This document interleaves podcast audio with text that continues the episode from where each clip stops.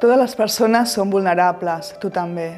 No obstant, depenent d'algunes de les teves característiques, tindràs més o menys punts de poder estar socialment exclosa.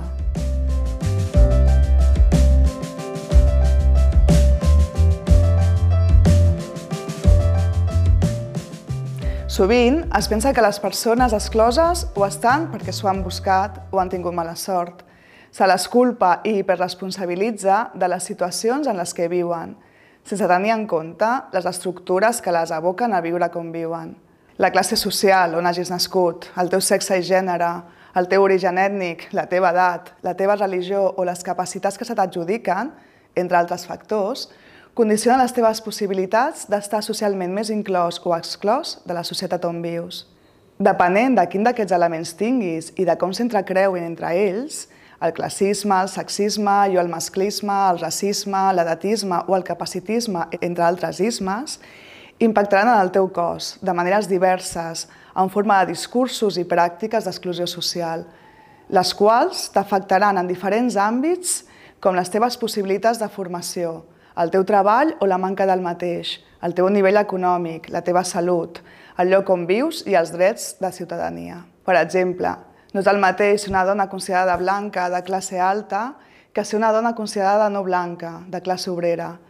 Les dues pateixen el masclisme, però una d'elles viurà quotidianament el racisme i pot ser que el pateixi de la mateixa dona blanca abans mencionada. Tampoc és el mateix ser dona blanca de classe alta que ser home no blanc de classe obrera. La primera segueix tenint privilegis sobre el segon, no pel sexe o el gènere, sinó per la classe social i l'origen ètnic. El gènere, la classe social, l'edat, l'origen ètnic, s'entrecreuen entre ells creant mapes particulars d'opressions i privilegis. Us explico una de les experiències vitals i professionals més dures que he tingut. Va ser a Florència, Treballava com a educadora de carrer en un campament de refugiats on vivien unes 50 famílies que havien tingut que fugir de la guerra de la Jugoslàvia. Algunes feia més de 10 anys que vivien allà. Se'ls havia perseguit per ser roms, gitanos i musulmans. No se'ls deixava construir, vivien dins de caravanes o de xaboles d'uralita en estius que arriben a més de 40 graus.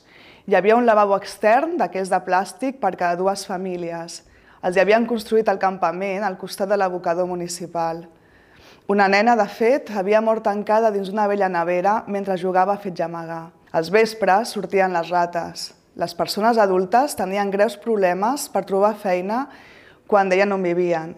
Algunes famílies obtenien diners en feines precàries i mal remunerades, altres de la mendicitat i altres d'on podien. Eren un col·lectiu heterogeni, homogenitzat per la pobresa i els prejudicis. En aquestes condicions, jo feia reforç escolar als infants que m'ho demanaven, a vegades sobre les capotes dels cotxes.